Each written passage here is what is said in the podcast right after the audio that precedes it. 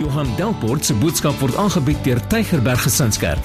Vir meer inligting, besoek gerus gesinskerk.co.za of skakel gerus die kerkkantoor by 021 975 7566. Tygerberg Gesinskerk, kom vind jou geestelike tuiste. Handelinge en ons gaan 'n paar verse daar saam lees in Handelinge 9 Handelinge 9 vanaf vers 1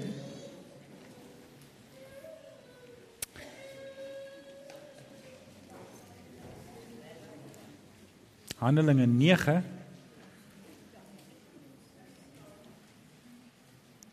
vanaf vers 1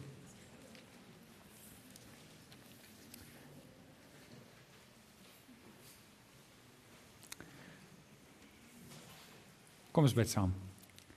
Vader, dankie dat ons u woord kan oopmaak. Here, dankie dat u woord die waarheid is.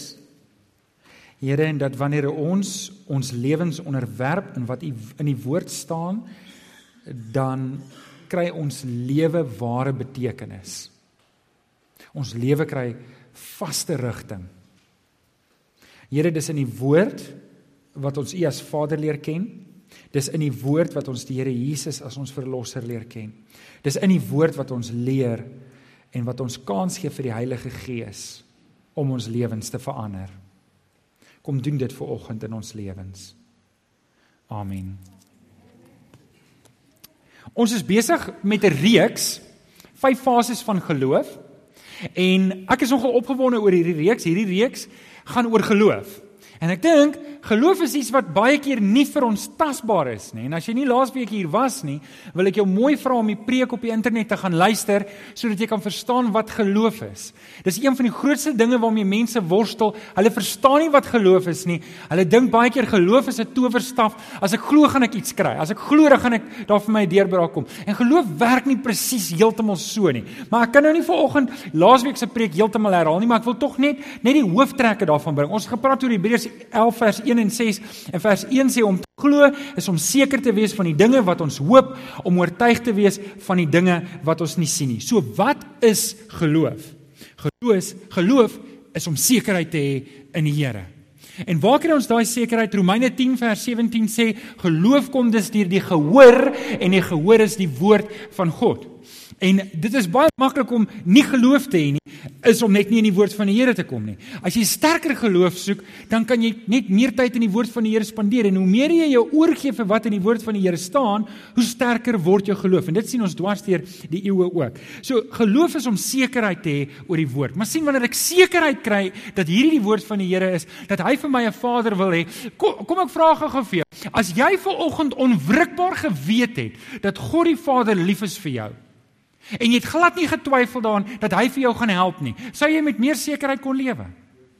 Dis hoekom ons meer tyd in die woord moet spandeer sodat ons sekerheid het. Maar dit het 'n ander gevolg.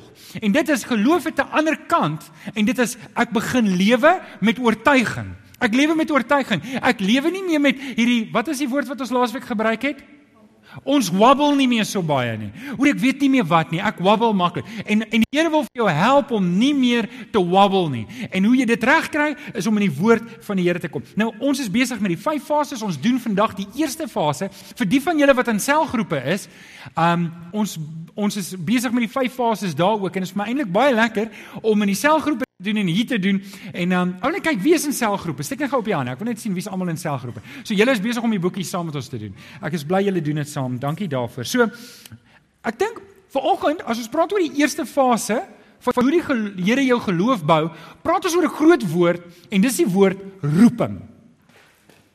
En ek dink ons verstaan die ding verkeerd dat ons dink net die dominee is geroep. Net die dominee is geroep. Die res van ons, ons kom net kerk toe en ons gaan huis toe, ons gaan aan met ons lewens. Wie van julle het so gevoel al? Nee, okay. My seun eh, kom vertel my 'n grappie. Dis 'n redelike flou grappie, maar ek het gedink is baie oulik van hom. Hy sê enige kerk het drie kante. Ek sê ja.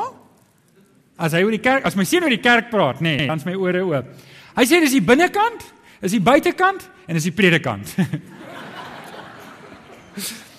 nou, Ek wil asseblief hê jy moet verstaan dat elkeen van ons wat hier sit, het 'n roeping. Sê vir die ou langs aan jy het 'n roeping. Asseblief, jy moet dit vasmaak, want weet jy wat, wanneer jy verstaan jy het 'n roeping, dan help dit vir jou om vaste rigting te hê in jou lewe en nie net maar te lewe nie. So waarom is ons hier? Ag, kom ons stel maar net die 80, 90 jaar verby. Hou 'n klompie verjaarsdae, kuier lekker en as dit maar nou oor, gaan ons hemel toe want ek se red. Okay, so die eerste roeping, dis nie op jou raamwerk nie. Maak hom oop, skryf dit binnekant. Jou jou roeping bestaan uit 3 dele. En ek het dit nou nie vir Jimmy gegee nie. Jimmy vra my mooi ek moet my preek voor die tyd gee dat hy dit vir jou op die skerm kan sit. Ek gaan nou verbykom. Maar jou roeping bestaan uit jou jy het een roeping. Dis nie drie roepings nie. Dis een roeping met drie dele. Die eerste deel van jou roeping is die Here roep jou vanuit die donkerte in die lig in. Daai dag het jy jou hart vir die Here gegee, jy het tot bekering gekom, jy het weer gebore geword. Jy kan dit nou die belewenis noem wat jy gehad het met die Here, maar jy het die lig gesien in die Here. Ons lees dit in ons lees dit baie duidelik in 1 eh, Petrus 2 vers 9. Christus het julle vanuit die duisternis geroep na die wonderbaarlike lig. Daar was 'n dag wat ek 'n volslaa sondaar was. Ek was verlore, ek was weg van die Here af. Daar was niks vir my oor in hierdie lewe nie en die Here het my uit daai put uit, uit die donker gat uit kom ruk en het my in die lig kom sit. En hier sit dalk 'n paar van jou, as jy vanoggend hier sit en sê Johan, ek is in daai donker put, ek is in daai donker gat, dan wil ek vir jou sê daar's net een ding Daar's net een ding wat jou uit daai donker gat uit kan oplig en dit is bekering na die Here Jesus Christus toe. Dit is om die kruis te aanvaar as jou verlossingswerk, om na die kruis te kyk en te sê Here Jesus, ek verstaan. My lewe is vrot en ek het nodig dat U vir my moet sterf. Ek het U verlossingswerk nodig. Ek gee my res van my lewe oor vir U. Jy het dit nodig om uit daai gat uit te kom. Die tweede deel van ons roeping is 'n leefstylverandering. Dis nou nie op jou hoofraamwerk nie, sommer daar langs die kant. Is 'n leefstylverandering. In Efesiërs 4 vers 1 sê: "Laat julle lewenswandel in ooreenstemming wees met die roeping wat jy van God ontvang het." sien, elkeen van ons het 'n roeping van die Here ontvang, daai roeping uit daai donker gat uit na die lewe toe, né? Nee? Maar nou sê die Here, hierdie selfde roeping beteken ek kan nie aanhou leef soos ek in die vroeë dae geleef het nie. Ek kan nie meer die grappies vertel wat ek in die vroeë ek kan nie meer die goeters kyk wat ek ek kan nie meer die dinge doen. Verstaan julle? My lewe moet mos so anders lyk. Ek is mos nou nie meer onder die ek sê dienskneg van die vlees nie. Ek's nou onder die gees. Amen. Die derde deel van die roeping en dis eintlik waar ek ver oggend met julle wil gesels is dis 'n lewe met rigting. So met ander woorde, ons het die eerste deel van die roeping is die roeping vanuit die donker na die lig. Die tweede deel van die roeping is 'n is soliede leefstylverandering om te sê ek kan nie meer in my lewe word transformeer. Ek is klaar met die ou dinge, ek lewe 'n nuwe lewe. En die derde deel van die roeping is 'n lewe gefokus op die pad, op die agenda wat die Here vir my gegee het. Nou sê my, Johan, ek weet nie wat ek moet doen met die res van my lewe nie, want ek wil ver oggend vir jou daarmee help. Mag ek? Want jy sê maar Johan, jy weet jy moes 'n predikant word. Weet julle daar was 'n tyd wat ek die Here gevolg het wat ek nie geweet het wat gaan gebeur nie. Dink julle toe ek in matriek was, ek het gedink ek gaan hier in die Kaap wees en met julle praat. Nie kans nie. Maar die Here se roeping ontwikkel in my lewe en dit word al meer helderder soos ek aangaan. En ek gaan nou met julle praat oor Paulus, as julle Bybels oop is by Handelinge 9 en ek gaan nou daar lees. Maar nou wil ek vir julle gou sê, ek het 'n B in my bonnet as jy 'n predikant. Ek weet nie heeltemal wat dit beteken nie, maar dit klink mooi. Ek het een van die B's in my bonnet is ek wil hê ons as gemeente moet 'n legacy los. Ons moet nie 'n groot kerk bou. Tygerberg Gesinskerk is wêreldberoemd nie. Julle ek het geen ambisie daarvoor nie. Geen begeerte om dit te doen nie. Ek wil nie hê ons moet hierdie kerk bou om 'n predikant, hoe Johan Delport, dis die predikant, as hy op 'n plek preek is daar duisende mense nie. Sal nie sleg wees nie. Maar dis nie ons mandaat nie. Dis nie ons roeping nie. Ons roeping en dis die B in my bonnet is dat ons 'n gemeente sal bou dat 20, 30 jaar nadat ons almal klaar poegaai hemel toe is dat ons kinders en ons kleinkinders en die generasie wat na ons kom, voetspore het om te volg om te sê, ek loop na Jesus. Hulle hoef nie eers te weet daar was 'n Estel en 'n Rudolf en hulle hoef nie eers te weet daar was 'n Alida wat voor hulle die pad gestap het nie. Al wat hulle moet sien is hier is spore getrap en as ek hierdie spore volg, gaan ek by die Here Jesus uitkom. Wie van julle sê ons moet so 'n gemeente bou? Sê bietjie amen toe. Amen. So julle gaan julle my help, kan ons so 'n gemeente bou? So vanoggend wil ek met jou praat oor jou roeping in die Here Jesus. Nou ek het al met julle gepraat oor Handelinge 9. Maar Ek het ek het gewik en weeg moet ek oor Jesaja se roeping praat of moet ek oor Paulus se roeping praat? En toe dog ek ek gaan met julle praat oor Paulus se roeping. Lees saam met my in Handelinge 9 vanaf vers 1. Hier hier is Paulus se bekering. Hierdie is Paulus se ontmoeting met die Here. Nou, ek moet gou-gou vir julle sê, ek het dit al vir julle gesê, maar ek wil net hê dat julle nie die mekaar raak nie. Paulus het drie name gehad. Paulus, Saulus en Saul. Saul was sy Hebreëse naam, Saulus was sy Griekse naam en Paulus was sy Romeinse naam. Net net dat julle weet, hy het drie name gehad, sodat as jy Paulus, Saulus en Saul wanneer hulle hom verwys, is dieselfde persoon, was maar net drie name in verskillende agtergronde wat hy gehad het, waar hy gewerk het. Okay, so hier's ons nou by Saulus se bekering.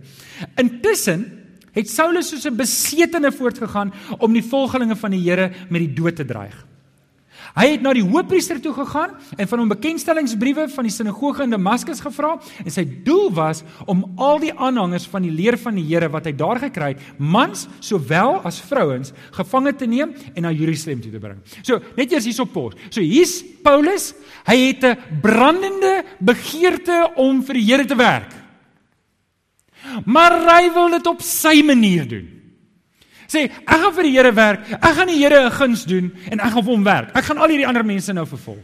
En ek wil ek wil jy moet mooi verstaan wanneer jy nie die Here se roeping vir jou lewe volg nie, jy werk of vir hom of teen hom. Jy kan die beste intensie hê om te sê, "Maar Here, ek doen goed vir U." Maar as ek nie die roeping plan wat die Here vir my lewe het volg nie, is ek besig om die koninkryk skade te doen. Dis wat Paulus hier doen. Stem julle saam, hy is besig om skade te doen. So asseblief ouens, ek waardeer goeie intensie en goeie maar jy weet jy kan baie keer net soveel skade doen met goeie intensie en dit bly skade. Dis wat Paulus hier doen. Ons lees verder. Toe hy op reis naby Damaskus kom, en dan hy sou op pad om Christene te gaan vervolg. Het daar skielik 'n lig uit die hemel op hom gestraal. Hy het op die grond neergeval en 'n stem vir hom hoor sê: "Saul, Saul, waarom vervolg jy my?" En hy sê: "Wie is die Here?" Ek is Jesus antwoord hy. Dis vir my wat jy vervolg. Maar staan op, gaan na die stad toe, daar sal vir jou gesê word wat jy moet doen. Die mense wat saam met hom op die pad was, het sprakeloos gestaan want hulle het die stem gehoor, maar het niemand gesien nie. Toe sê Saulus, toe Saulus van die grond af opstaan en sy oë oopmaak kon hy nie sien nie. Hulle het sy hand gevat en hom na na, na Damaskus toe gelei. 3 dae lank kon hy nie sien nie en het hy niks geëet of gedrink nie. In Damaskus was daar 'n sekere volgeling van Jesus met die naam Ananias. En die Here het hom in 'n gesig geroep: "Ananias, hier is ek, Here," het hy geantwoord. En dan lees ons verder hoe Ananias die opdrag van die Here gevolg het om hom te bid en hoe sy oë weer oopgegaan het. En dan lees ons in vers 19 as jy 'n bietjie verder gaan. Saulus, nadat hy tot bekering gekom het, nadat hy weer kon sien, het 'n paar dae by die gelowiges in Damaskus gebly. Hier is my so wonderlik. Hy spandeer nou tyd saam met Christene. Hoorie, hoe werk dit nou weer? Julle julle doen wat? Julle is Christene. Okay, verduidelik my net weer die hele storie. Okay, okay, ek het dit, ek het dit. Hy's 'n paar dae, kry 'n paar dae. 'n Week, ek weet nie. Hy spandeer 'n week hierso en nou lees ons in vers 20 en dadelik in die sinagoge begin verkondig dat Jesus die seun van God is. Kan jy hierdie radikale verandering indink? Hier's Paulus, hy maak hy hy gee toestemming dat Christene moet dood. Hy hou die mense se klere vas terwyl hulle die Christene met klippe doodgooi. Hier kom hy en hy staan in die tempel. Almal weet hoekom hy daar is en hy sê: "Hoorie, ek moet vir julle sê, Jesus is werklik die Christus. Kom tot bekering en hy sal jou red en jou lewe sal verander en die mense soos Ek dink dit is 'n triek. Het jy nou so hoë vlak skelm gesien? so, okay, dis Paulus se roeping.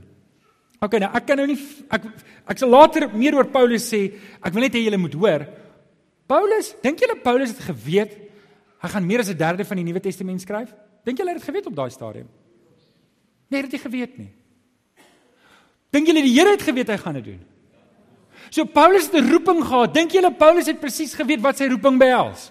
Nee, hy het nie. Maar hy het opgestaan en hy het begin praat. Hy het opgestaan en hy het begin beweeg en dis wat ek hoop ek kan vanoggend vir jou aanmoedig om te sê. Jy het 'n roeping. Weet jy wat die roeping is? Nee, maar dit maak nie saak nie. Jy, jy gaan nooit uitvind wat jou jou roeping is as jy nie begin beweeg in die Here nie. As jy nie sê Here, goed, ek gaan doen. Is Psalm wat sê doen wat jou hand vind om te doen. As ek nie as ek nie begin aktief raak en begin sê Here, ek weet U het vir my 'n roeping gegee. Ek gaan daarvolgens begin leef.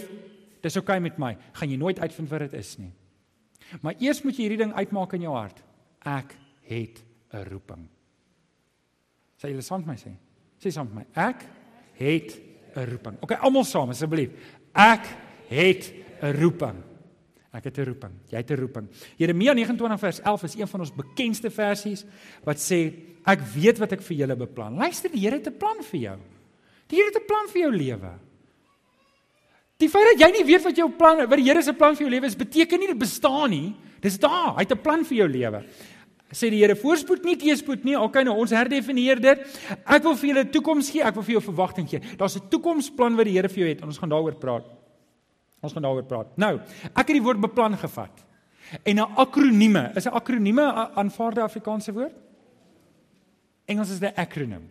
Dis wanneer jy 'n woord vat en jy sit betekenis. Okay, so dis 'n klein bietjie forceer, maar dis om vir jou te help om te onthou die woord beplan. Help vir jou met jou roeping. Okay, want die Here beplan vir jou iets. Alraai, so hier's die goed wat ek vir jou gaan gee. Die BE, beoordeel jou gawes en talente. Beoordeel. Hoe weet ek wat die Here, hoe volg ek die Here se roeping? Hoe kan ek aktief betrokke raak? Onthou vyf fases van geloof. Die eerste een is die roeping wat die Here vir my gegee het. Ons het nou duidelik vir mekaar gesê die Here het elkeen van ons geroep. Eerstens uit die donker put uit, tweedens na lewensverandering, maar derdens na 'n vaste rigting met wat die Here met jou lewe wil bereik. En hy wil iets met jou lewe bereik. Ons is hier nie net om 80 jaar om te tel met verjaarsdae nie. Ons is hier om vir die Here iets te beteken en hy wil jou gebruik. OK, so hoe hoe hoe kom ek op daai pad? Nommer 1: Beoordeel jou gawes en talente. Efesiërs 2 vers 10 sê God het ons gemaak wat ons nou is in Christus Jesus. Het hy ons geskep om ons lewe aan die goeie dade waarvoor hy ons bestem het te wy. Hy het jou bestem vir goeie dade. Hy het jou bestem. Dis 'n groot woord. Bestem. Jy weet ek was altyd onder die indruk of dit waar is weet ek nie, maar hulle het um, met die groot kommunistiese tyd in China het my broer my vertel dis hoe dit is. Hulle besluit wat jy gaan doen met jou lewe. Jy kan nie besluit nie. So hulle sal vir jou sê jy moet 'n gimnas word. Nou ek het altyd myself ingedink, hoe is hierdie kort ouetjie? Ons het 'n kort ouetjie in ons klas gehad wat 'n bietjie stewig was. Dan dink ek nou, hoe sou dit nou wees as hulle na hom kyk en sê hy moet 'n gim, gimnas wees? En um, nou het ek altyd gedink as jy nou op 'n plek kom wat iemand vir jou 'n taak gee wat jy nie kan doen nie. Maar ek wil hê jy moet vanoggend weet wanneer die Here jou bestem vir iets, dan is dit omdat hy alles van jou weet. Die Here ken jou DNA. Hy weet hoeveel hare op jou kop is. Hy het geweet wie jy gaan wees. Hy weet van elke gedagte wat in jou kop opkom nog voordat jy daaraan kon dink. Hy weet alles van hy weet wanneer jy gebore sou word. Hy weet wanneer jy gaan sterf. Hy weet elke liewe ding van jou. So wanneer die Here jou bestem vir iets, dan is dit uit die uit die aard dat hy alles maar alles van jou weet. Sê net vir jou langs die Here weet alles van jou. Daar's niks, daar's niks wat 'n geheim is van jou by die Here nie. Um Weet julle ek lees in Handelinge 26 en dit eh, hier sit 'n paar van julle. Wie van julle is in 'n minder as 'n perfekte posisie op hierdie oomblik? Wanneer dit kom by jou werk, wanneer dit kom by enige plek in jou lewe. Wie van julle is? Jy sê, "Oorie, ek is nie perfekte situasie nie. Dinge kon vir my beter uitgewerk het." Weet julle Paulus, ons lees vir Paulus in Handelinge 26 vers 24. En julle gaan nog baie hoor van hierdie boot wat gesink het. Maar ek het 'n versie vir die eerste keer raak gelees van Paulus wat se boot gesink het. Paulus is op 'n skip. Hulle gaan in die verkeerde tyd van die seisoen, daar kom 'n groot storm. Raai wat gebeur met skepe wat in 'n groot storm vloei in daai tyd? Hy sink. En Paulus sê vir die manne, hoor jy julle maak 'n fout, ons moet oorbly. Hulle sê, "Nee man, wat weet jy?" En die raai wat gebeur, daar kom 'n storm en die boot sink. En Paulus is ewe op die boot, hy sê, "Ek het al vir julle gesê, het julle al iemand in jou lewe gehad wat jy sê fout maak sê?" Ek het I told you so. Paulus is die gevangene, die Romeinse soldate is die met die swaarde. Ek weet jy hy's baie braaf. en die boot sink toe. En hy kom op die eiland en daar kom mense tot bekering. En weet julle wat sê Paulus? Hy kyk terug na dit want hy weet ook nie alles nie en hy sê hierdie boot wat bestem om te sink sodat ek hier kon uitkom om met julle te praat oor die Here. Kan jy dalk terug staan en sê jy's dalk presies waar jy moet wees? Kan jy dalk terugkyk na jou lewe en sê Here, hier is nie wat ek sou wou doen nie. Maar Here, ek sal vir u lewe waar ek is. Dis jou roeping. Jou roeping is dalk nou om presies te wees waar jy nou is en om daar vir die Here te lewe. Johan, ek het nog gedog jy gaan vir ons goeie nuus gee. Maar dis die goeie nuus. Jy is waar die Here jou nou wil hê. Leef jou roeping net daar uit. Ek en jy moenie lewe as ek maar net kon nie. As ek maar net as ek maar net in 'n ander huis kon bly. As ek maar net al my skuld kon afbetaal. As ek maar net as ek maar net 'n bietjie ouer kan wees. As ek maar net 'n bietjie jonger kon wees. As ek maar net 'n bietjie mader was, as ek maar net 'n bietjie fitter was. Ek weet nie. Maar weet jy wat, as jy altyd as ek maar net kon lewe, gaan jy nie jou roeping uitleef nou nie. En jy moet weet, jou roeping begin nou. Nou kyk, ek het 'n bietjie van die punt af gegaan want eintlik die punt was gewees jy moet kyk wat het jy? Wat is die goed wat die Here in jou hand gesit het? Wat is dit wat jy om jou het? Wat is die situasie? Dalk as jou situasie stikken, dan moet dit half klok lui vir jou en sê dis dalk presies waar die Here jou wil hê. Wie van julle sit ver oggend op 'n boot wat besig is om te sink? Jou gebed moet wees: Bring it on. Johan, jy's braaf. OK. So, jy, verstaan jy wat ek probeer sê? Beoordeel jou gawes, beoordeel jou talente, beoordeel jou situasie. Kyk na dit en sê, Hoe dit kan nie wees nie. Hoorie alles loop so skief, dit moet 'n konspirasie wees. Dan moet jy weet, jy's dalk net presies daar waar die Here jou nou wil hê. Alraai, so nommer 1. B. Dis nou vreemd. Nou het ek nie nommers nie, nou het ek letters. P. Posisioneer jouself.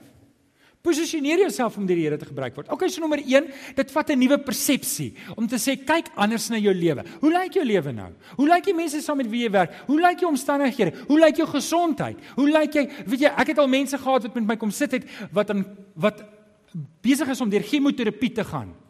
En dan gaan sit hulle daar terwyl hulle besig is om te wag vir hulle behandeling en hulle praat met die Here daar terwyl hulle. Hulle moedig die ander mense aan en sê hoorie man, jy moet net vashou in die Here. Kan ek vir jou bid? Kan ek jou opdra aan die Here? Weet jy, jy moenie laat enige ding jou intimideer nie. Niks kan jou skei van die liefde van die Here Jesus nie. Amen. OK, ek is nou klaar met hierdie eerste punt. Kan ek nou aangaan na die tweede punt toe? Punt nommer 2 of P.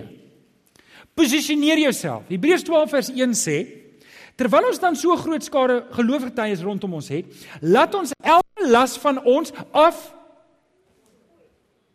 Ons moet dit af Nee nee nee, daar staan, kom ek help julle net reg. Kom ek doen 'n bietjie eksegese. Terwyl ons dan so groot skare geloofsgetuies rondom ons het, kom ons sit die laste neer. Nee, dis nie wat daar staan. Het julle julle Bybels ooit voor julle? Daar staan gooi dit af. Ook die sonde wat so maklik verstrik en laat ons die wedloop wat vir ons voorlê met volharding hardloop. OK, so hier's twee as jy omkring in jou Bybel kan jy omkring. Las van ons afgooi en twee met volharding hardloop. Ek dink baie kinders van die Here sukkel met hierdie ding. Hulle is reg met hierdie ding om te sê ek is uit die put uit gered. Hulle sukkel 'n bietjie met die ding van om my lewe moet verander, maar ek het nie rigting nie. Hoekom nie? Want ek dra my laste saam met my. Ek dra my emosionele laste net saam met my. Ek dra dit net saam. Hoorie, môre is nog 'n dag. Môre sal ek maar net opstaan en nog 'n sug gee en net weer my pakkie optel en net weer loop. Maar die Here het vir jou meer beplan. Die Here het vir jou meer beplan en vir jou meer wat hy vir jou wil gee. En om dit reg te kry, moet ek ontslaa raak van my laste. Ek moet dit van my afgooi. Spesifiek die sonde wat my maklik verstrik. Ek kan nie toelaat. Onthou julle ek het begin met die B in my bonnet. Hier is die een enkele ding wat ons sal verhinder om daai spore te trap. En dit is as ek aanhou met my sondige geaardheid. As ek toelaat dat dit Ja, maar ek is maar net 'n mens, ek sukkel maar net. Weet jy, daar moet 'n punt kom wat ek verantwoordelikheid aanvaar sê, "Twak, ek gaan nie verder verskonings maak nie." Ek gaan hier trek ek 'n streep want ek het 'n verantwoordelikheid voor die Here. My roeping is om die beste te gee hierdie 80 jaar wat ek het en ek gaan die spore trap wat die Here my geroep het om te stap. Partykeer beteken dit daar's 'n paar verhoudings wat ek moet breek mee. Partykeer beteken dit ek moet opstaan en sê luister, daar's 'n paar vriendskappe wat ek moet afgee want daai goed hou my terug. Jy weet wat dit is. Gaan voor die Here en sê Here, wat is dit? Wat is dit wat my terughou sodat ek myself kan posisioneer om deur die Here gebruik te word? Ek moet my posisioneer. Ek moet vir myself sê, wat is my risiko's? Wat is die goed wat ek moet weggooi? Wat is die goed wat ek moet ontslaa raak sodat ek voluit kan hardloop?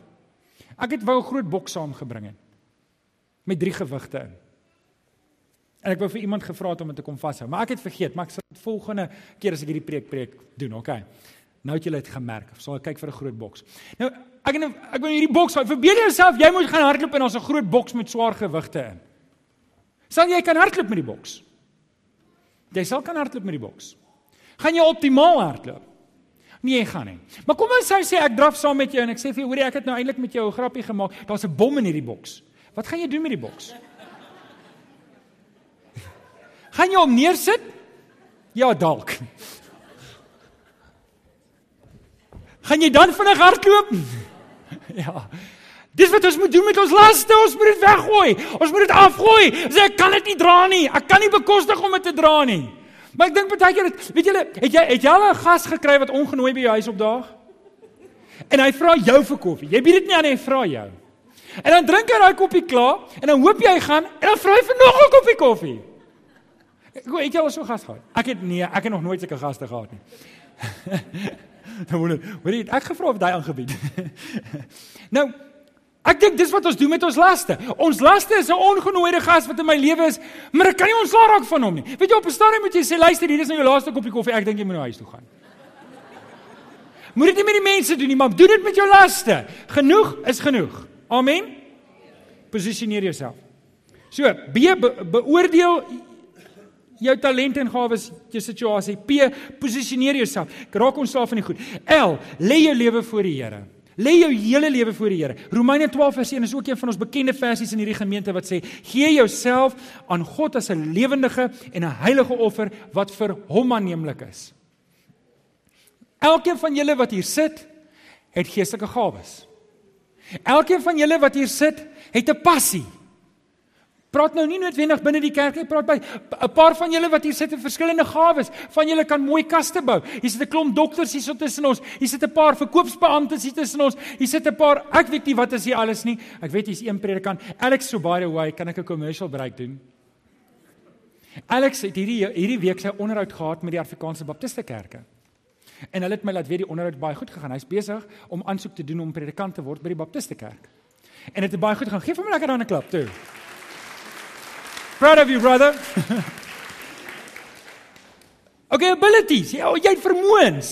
Jy jy sit hier net 'n sekere persoonlikheid. Ons het al oor die shape gepraat. Jy sit hier net sekere agtergrond en ervarings en al daai goed is die pakkie wat jy vir die Here moet gee en sê Here, hier is ek. Gebruik my. Ek is 'n offer, 'n lewendige offer. Weet julle, ons het groot geword, meeste van ons. Waar jy kom op 'n Sondag kerk toe en jy sit op jou stoeltjie, bewaar die ou se siel wat op jou plek sit. Jy sit op my plek. As ek volgende keer kom, kan jy nie sit nie hoor. Asseblief jy moet terugkom. Okay, ek het net nie bedoel. Um En dan het daar mense ingeloop, manne met pakke. Hulle lyk soos die uh, men in black. Weet jy wie van En dan sit hulle voor in die kerk met banke wat heeltemal in 'n ander rigting is. En jy weet, hier is belangrike manne. Jy, ek was 'n kind. Jy weet nie wat hulle is nie, maar hulle is belangrik. En hulle het snaakse name, diakens. Ek het nog nooit in my lewe gehoor van so 'n woord voordat ek daar was nie. En ouderlinge, hulle is seker die ou manne. Maar hulle het almal maar vir my oud gelyk daai tyd. En dan, dan het die dan het die groot kokkedoor opgedaag. Hy het 'n Batman suit aangetree. En hy het daar bo gekom en het vir 'n halfuur lank, nee, seker amper 45 uur, het hy gepraat en niemand het hom verstaan nie. En dan het ons uitgestaan en almal het dit aangegaan met hulle lewe. Niemand het het, het haar het nie gekry oor daai boodskap nie. Jy het maar net aangegaan. Julle was my so weird. Toe word ek 'n predikant. nou, julle, ek dink ons het groot geword in 'n kerk wat jy moes net kerk toe kom en dit was oukei. Okay. Gooi net jou 20 sent in die kollektebordjie. Julle, dit was 'n bordjie, was nie 'n sakkie nie, sodat almal kan sien wat jy gooi. Dan motiveer dit jou om meer in te gooi. Uh ek het al met die musikante gepraat. Hulle het gesê ons moet eendag 'n musikale kollekte hou. Net hoë note.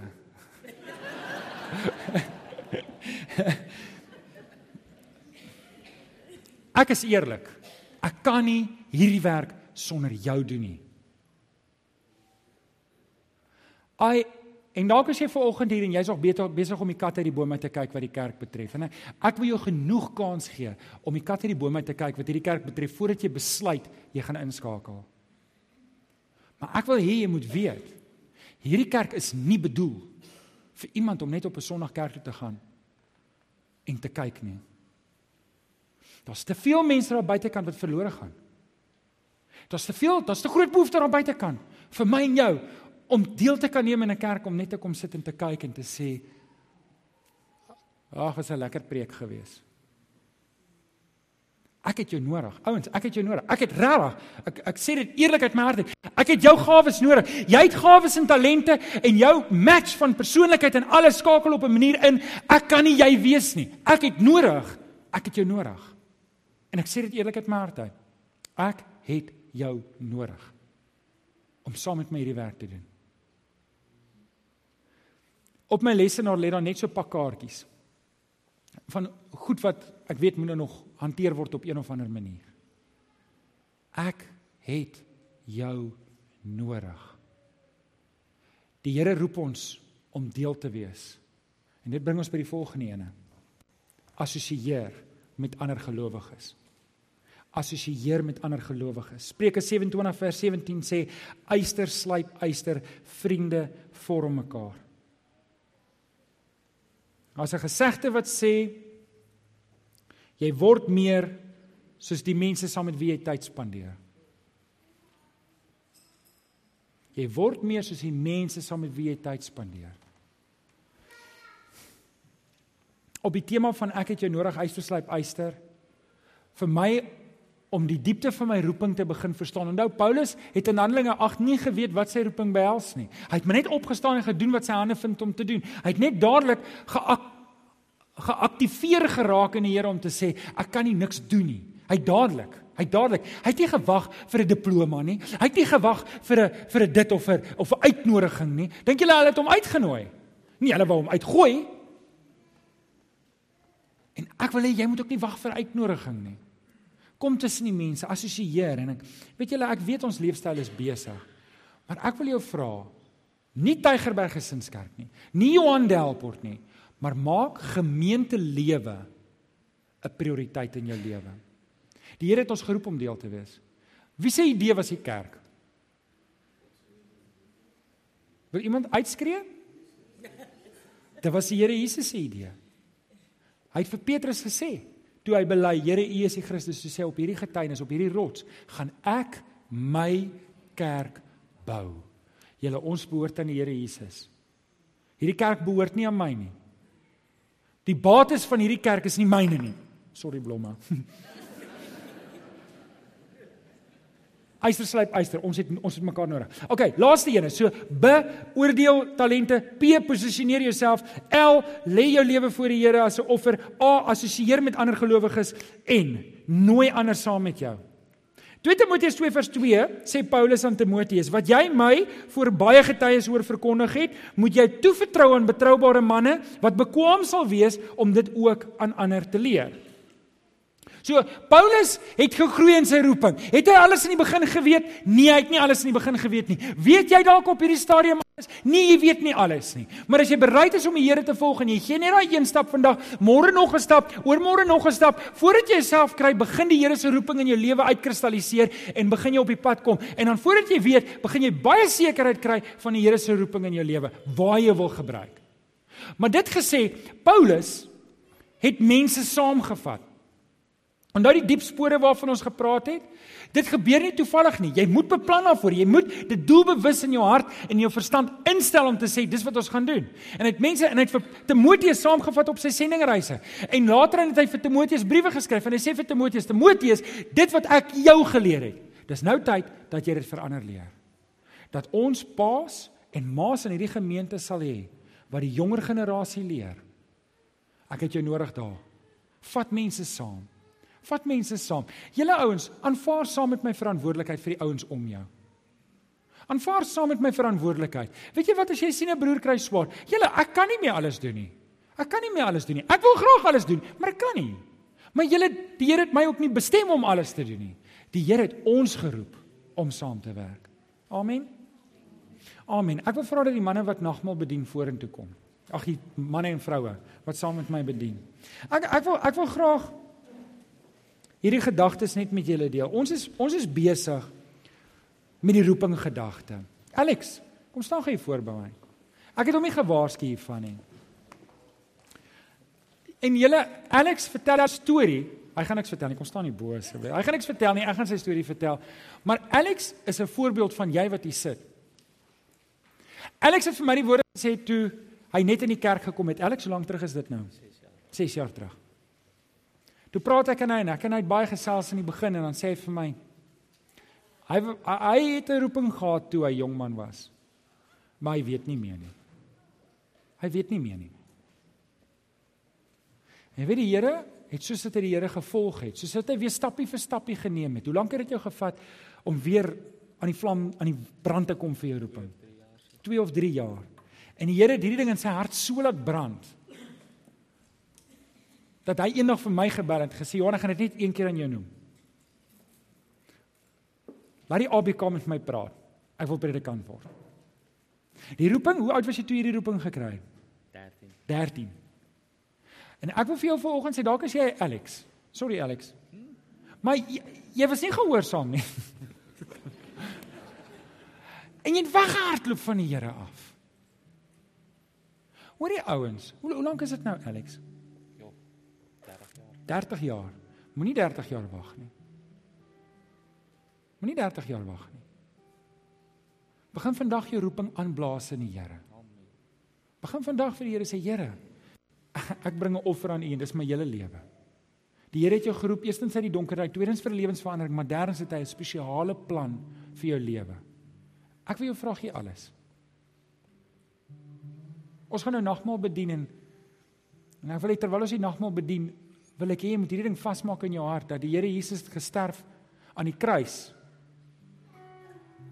sodat ek en jy die roeping kan volg wat hy het vir ons lewe. Nie dat ons 80 jaar kan omtel en nog 'n verjaarsdag, nog 'n verjaarsdag en net wag dat ek eendag hemel toe gaan nie. As jy hier is, het hy 'n plan vir jou. Ons bid saam. Here, ek kom sê vir U dankie. Dankie vir die grootheid en dankie vir die liefde en die genade en Here, dankie dat Here al vir 30 jaar U bly roep. En ek kom sê dankie daarvoor, Here. Kom roep in ons harte. U weet waar elkeen van ons is. Kom roep ons terug. Ons bid dit in Jesus naam. Baie dankie dat jy na hierdie boodskap geluister het. Ons glo dat elke gelowige binne die konteks van 'n gemeente behoort te groei. Indien jy nog nie by 'n gemeente ingeskakel is nie, kom besoek ons gerus hierdie Sondag by Laerskool Jean Lou se skoolsaal, Tulipstraat, Amanda Glen, Durbanville. Tygerberg Gesinskerk. Kom vind jou geestelike tuiste.